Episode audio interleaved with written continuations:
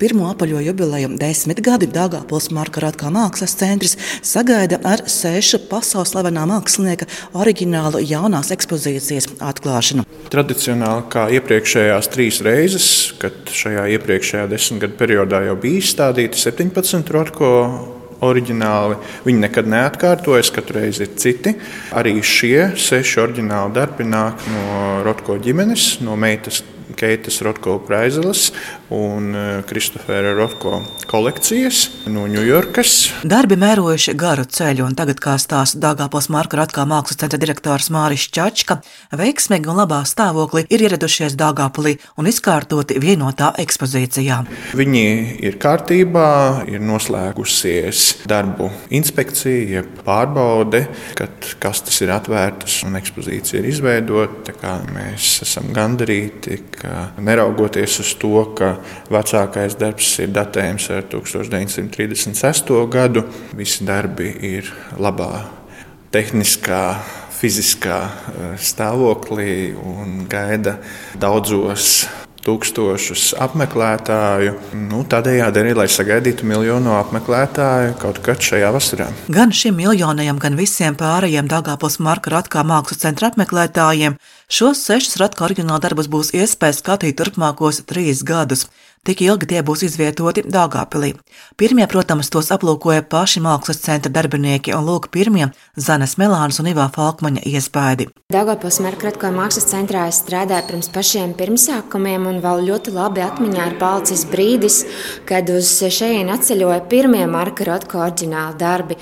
Bet es domāju, ka katra satikšanās ar mākslinieka radošo mantojumu ir ļoti, ļoti īpaša. Veselu gadu mēs eksponējām augstas kvalitātes kopijas, bet, manuprāt, tīri subjektīvi, tīri emocionāli, tieši oriģināli darbi sniedz šo īpašo sajūtu, par ko ir runājis arī Marks Rotko un viņa izstāžu kuratori, par to, ka skatot viņa mākslu ir jāizslēdz prāts un jāieslēdz emocijas. Un, manuprāt, tas tiešām katreiz notiek satiekoties ar Marka Rotko oriģinālu darbiem. Es domāju, ka ekspozīcija ir lieliska, mākslas darbi ir atšķirīgi, varbūt izmēru ziņā, nekā mēs bijām pierasti redzēt, bet šīs sajūtas tomēr ir nemainīgas, un arī šī vērtība, mākslinieckā vērtība, protams, ir neapšaubāma. Šie darbi patiešām ļoti tādi viegli,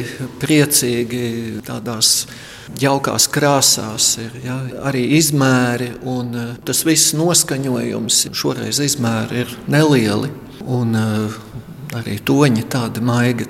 Jā, šoreiz izvēle ir šāda, tikko aprakstītā, bet tas nemazina Rotko māksliniecisko vērtību izmēra kontekstā, jo tie ir gana būtiski un tie pirmām kārtām arī piedzīvo pirmizrādi Latvijā, kas ir vēl viens būtisks nosacījums, jo Rotko daļradas sekotājiem tā ir kārtējā iespēja vēlreiz sakārtot ceļa somas un mērot ceļu uz Daugopili, lai iepazītu šos darbus tieši Daugopilī. Tad nu īstais laiks, lai kopā centra vadītāja Māri Čačku vērtu vaļā Ratka oriģinālu jaunās ekspozīcijas durvis un ietu to lūkot. Droši vien tradicionāli Rotko daļradi mēs uztveram un vairāk pazīstam no Rotko klasiskā perioda kompozīcijām. Šoreiz, līdzīgi kā arī citas reizes, mēs piedāvājam divus klasiskā perioda darbus. Abi viņi ir agrīnā klasiskā perioda darbi. Viens ir datējams ar 1950. gadu, un otrs ar 1951. gadu. Pirmais darbs, ko ieraugām, izmērā 73 reizes gandrīz 150 cm. Košs un ekspresīvs tāds, kādu to mākslas izpausmes veidā tradicionāli asociē ar Rātkā. Darbs bez nosaukuma, numur 13, klasiskā perioda kompozīcija kas ir horizontālā plaknē veidots krāsu laukums, kur dominējošie ir tumša vīna, brūni, melnais tonis, kas eh, lāsumoti pāriet eh, tādā sārtā, aveņu zemeņu toņkārtā, kuram apkārt ir brīnišķīgi zeltīti dzeltenais, starp kuru stariem iziet zili ultramarīni, pat tāds zaļais tonis Starp citu, interesants moments. Mirkli atpakaļ mēs atklājām, bet eh, vairākus mēnešus atpakaļ mēs veidojām ekspozīciju Rotko in Latvija. Šo kompozīciju kā kopiju ir veidojis eh, Latvijas viens no vadošajiem glaznotājiem Kaspars Zariņš. Šo darbu šobrīd ir iespējams līdz 30. jūnijam vērot Dailas teātra otrajā stāvā. Par šo darbu runājot, var teikt, ka tas ir eh, savā veidā tas no tā cikla, kas ir vairāk arī saprotams un ar ko varbūt asociējas skatītājiem. Kas ir vairāk atpazīstams caur savu rokraksta tīrību un atšķirību no citiem. Tajā laikā Marks Rotko ieguva īpaši ar šo glezniecisko krāsu laukumu izteiksmi. Viņš bija pirmais, kas uzdrošinājās novienkāršot eh, savas domas, labā nozīmē novienkāršojot, apkopojot, koncentrējot un iekļaujot krāsu kontrastējošos vai papildinošos eh, laukumu blokos, ko mēs eh, zinām kā abstraktā ekspresionisma, viņa krāsu laukumu gleznojumu izpausmes. Nu, ienākot iekšā tālāk, paveras mūsu skatienam jau atveras eh, visa zāle kopumā, un galā mēs ieraugām otro glezniecisko klasiskā perioda kompozīciju, ko mēs esam iesaukuši kā tādu skūpstu, tādā vienkāršotā valodā, pārfrāzējot vai kā mīļvārdiņu piešķirot mākslas darbam, kurš ir eksponēts, bet darbs ir bez nosaukuma, gleznots uz audekla ar eļļu. Un otrkārt, ir gan līdzīga kā iepriekšējiem klasiskajiem periodam. Viņš ir varbūt mazliet maigāks, siltāks. Tā ir vertikāla kompozīcija, kas arī ir gana dominējošs formāts ko Marks Rotko izmanto. Caur šo ekspresivitāti acu skatam nepaliek nepamanīts burvīgs un noslēpumains sievietes tēls. Tas ir vēl viens uz Dāngāpā atvestais Rotko oriģināla darbs, ieskicē Māris Čačka. Darbu pēc nosaukuma Sieviete metro 1936. gada kompozīcija, agrīnais darbs, gaišs, varētu teikt, pasteļtoņos eh, izgaismojis sievietes tēls, noslēpumains, pārdomās esoša sieviete, kur vai nu gaida metro, varbūt ir nokavējusi metro, varbūt tās gaida, kad tūlīt metro eh, pietuvosies, lai varētu uzsākt darba gaitas. Līdzās viņai mēs esam eksponējuši lielisku abstraktu kompozīciju bez nosaukuma, ar apakšnosaukumu Rekto, kas ir starposms no surrealistiskā perioda uz klasisko periodu. Tātad multiforma vai tāds tranzīta solis, tehnisko paņēmienu un formu apkopojums, kad Marks Rotko atsakās pilnībā no līnijas un no konkrētu tēlu, simbolu klātbūtnes un pievēršas tikai krāsu laukumiem, kas vēl ir sarēbināti, mazi un, un tādā vienkāršotā valodā mums var atgādināt vasaras eh, saurieta debesis, kuras ir pilnas mākoņiem, kad šie mākoņi iekrāsojas visdažādākajās toņkārtās.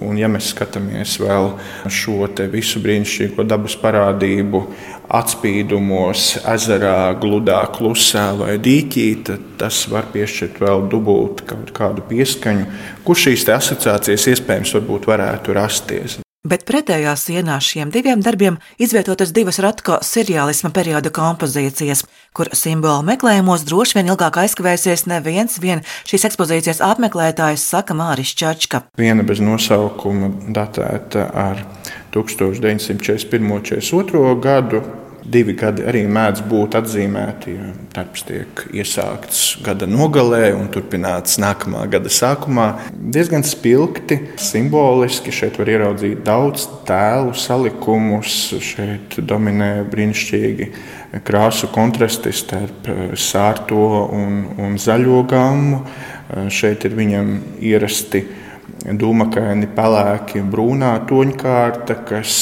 ieskicē un tonāli parāda figūru daļas, formas, simboliskās vienības, kas izgaismojas te vienā, te otrā mākslas darba stūrī.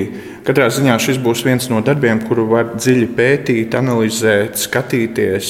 Maziem bērniem tas būs interesanti, jo viņi asociatīvi kādus sev saprotamus tēlus ieraudzīs. Savukārt, pieaugušiem, kuriem arī asociatīvā domāšana un tēlu uztvere nav pazaudēta dzīves gaitā, no bērnības saglabājusies, tie arī droši vien spēs ieraudzīt sev kaut ko gana interesantu un uzrunājošu. Un līdzās viņam ir tāds tonāli maigāks surreālisma darbs, kur parādās okertonis, bāli.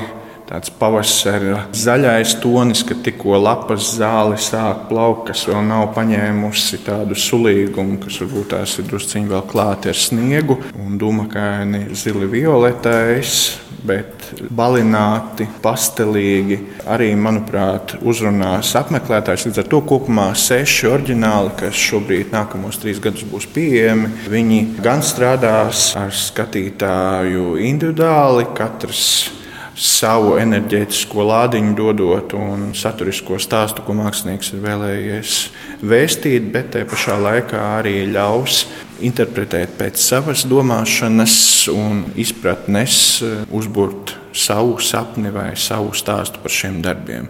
Un tas ir tikai normāli un brīnišķīgi, ka cilvēks pats var atklāt kaut ko sev jaunu, un tas paver šo vēl vienu iespēju mākslu uztvert kā domāšanu, kā formu, kā ļaut savai fantāzijai dzīvot, baudot, ne tikai radot.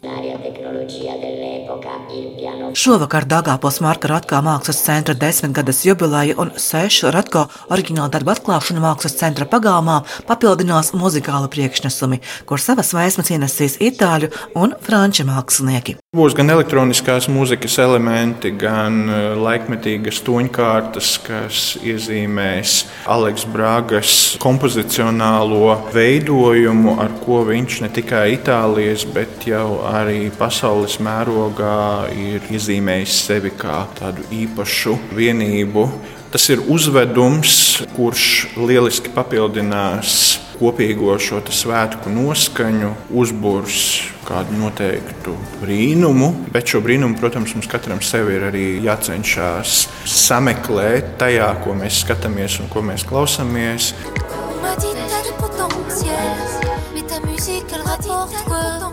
Līdzīgi ir arī ar mūziķu no Francijas Gatu, kas turpina koncertu programmu Rotko centra pagalmā, kas, domājams, uzspridzinās labā nozīmē noslēgs e, šo desmit gadu ciklu ar tādu spriganu, jāstru, dzīvelīgu, performatīvu priekšnesu. Tad var teikt, ka Marka Rāta mākslas centra pirmā apaļā jubileja.